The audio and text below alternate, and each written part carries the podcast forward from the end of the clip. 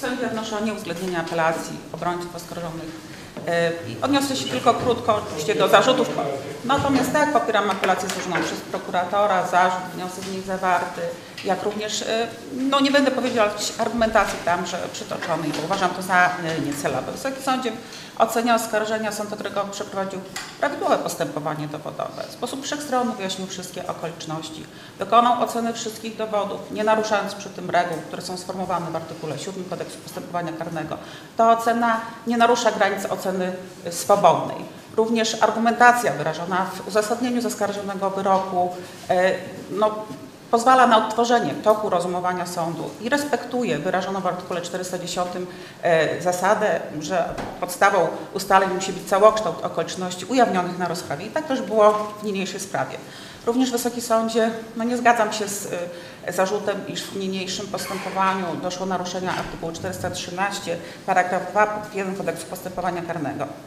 Ten przepis nie precyzuje elementów składowych, które czyniłyby zadość dyrektywie dokładnego określenia czynu e, przypisanego oskarżonemu w wyroku skazującym. I to metodologia rozporządzania mm, opisu tego czynu była przedmiotem zainteresowania czy to doktryny, czy orzecznictwa i z orzecznictwa wynika, że aby czynić zadość temu wymogowi temu obowiązkowi, należy w opisie czynu zamieścić te wszystkie elementy, które należą do istoty czynu.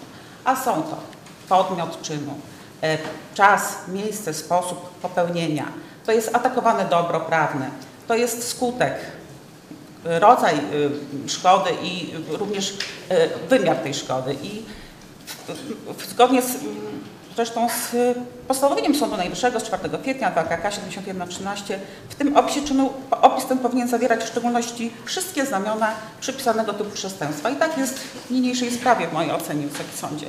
Oczywiście czasem pojawiają się trudności w precyzyjnym określeniu tych poszczególnych elementów czynu, tak jak tu wskazywał obrońca, co do czasu. E, jednakże również z orzecznictwa wynika, że nie dozawuje to możliwości przypisania sprawcy popełnienia określonego przestępstwa.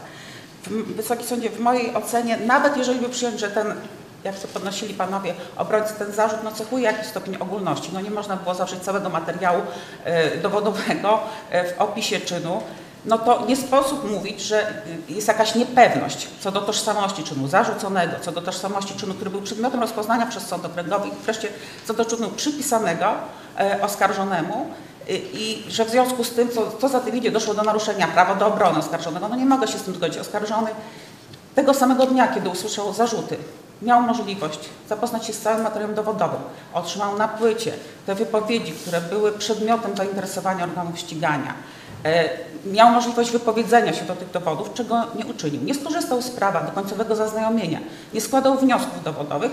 I teraz oto okazuje się, że prokurator pozbawił oskarżonego prawa do obrony. No, no ciężko mi się z tym zgodzić, y, bo nigdy nie było to ani zamiarem w żadnej sprawie nie spotkałam się z tego rodzaju y, zarzutem. Wysoki Sądzie również nie można się zgodzić z jednym z apelujących, że w postępowaniu rozpoznawczym doszło do naruszenia artykułu 170 paragraf 1 punkt 2 i 3 Kodeksu Postępowania Karnego. Wręcz przeciwnie, Sąd Okręgowy czynił zadość wszystkim wymaganiom, jakie nakładają na nie przepisy.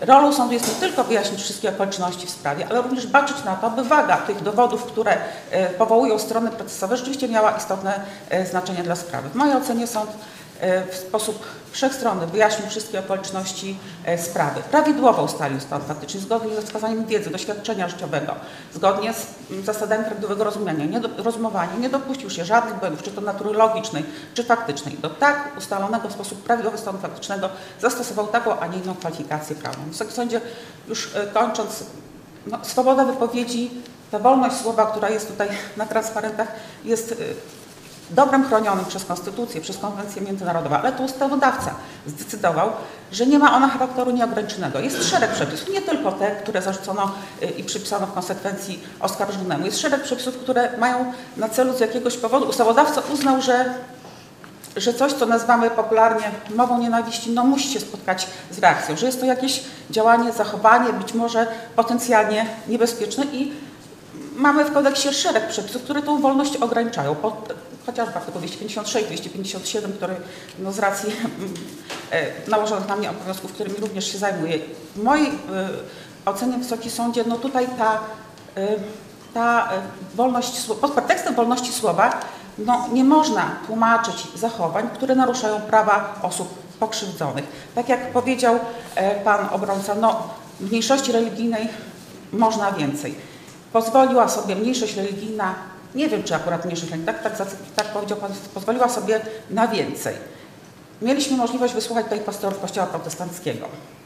Oni również mają pewnie z punktu widzenia katolika poglądy czasem radykalne, ale to w jaki sposób mówili o swojej wierze, o tych różnicach w wierze, nie spowodowało chyba zranienia uczuć religijnych osób pokrzywdzonych na tej sali, tak przynajmniej wnioskuję.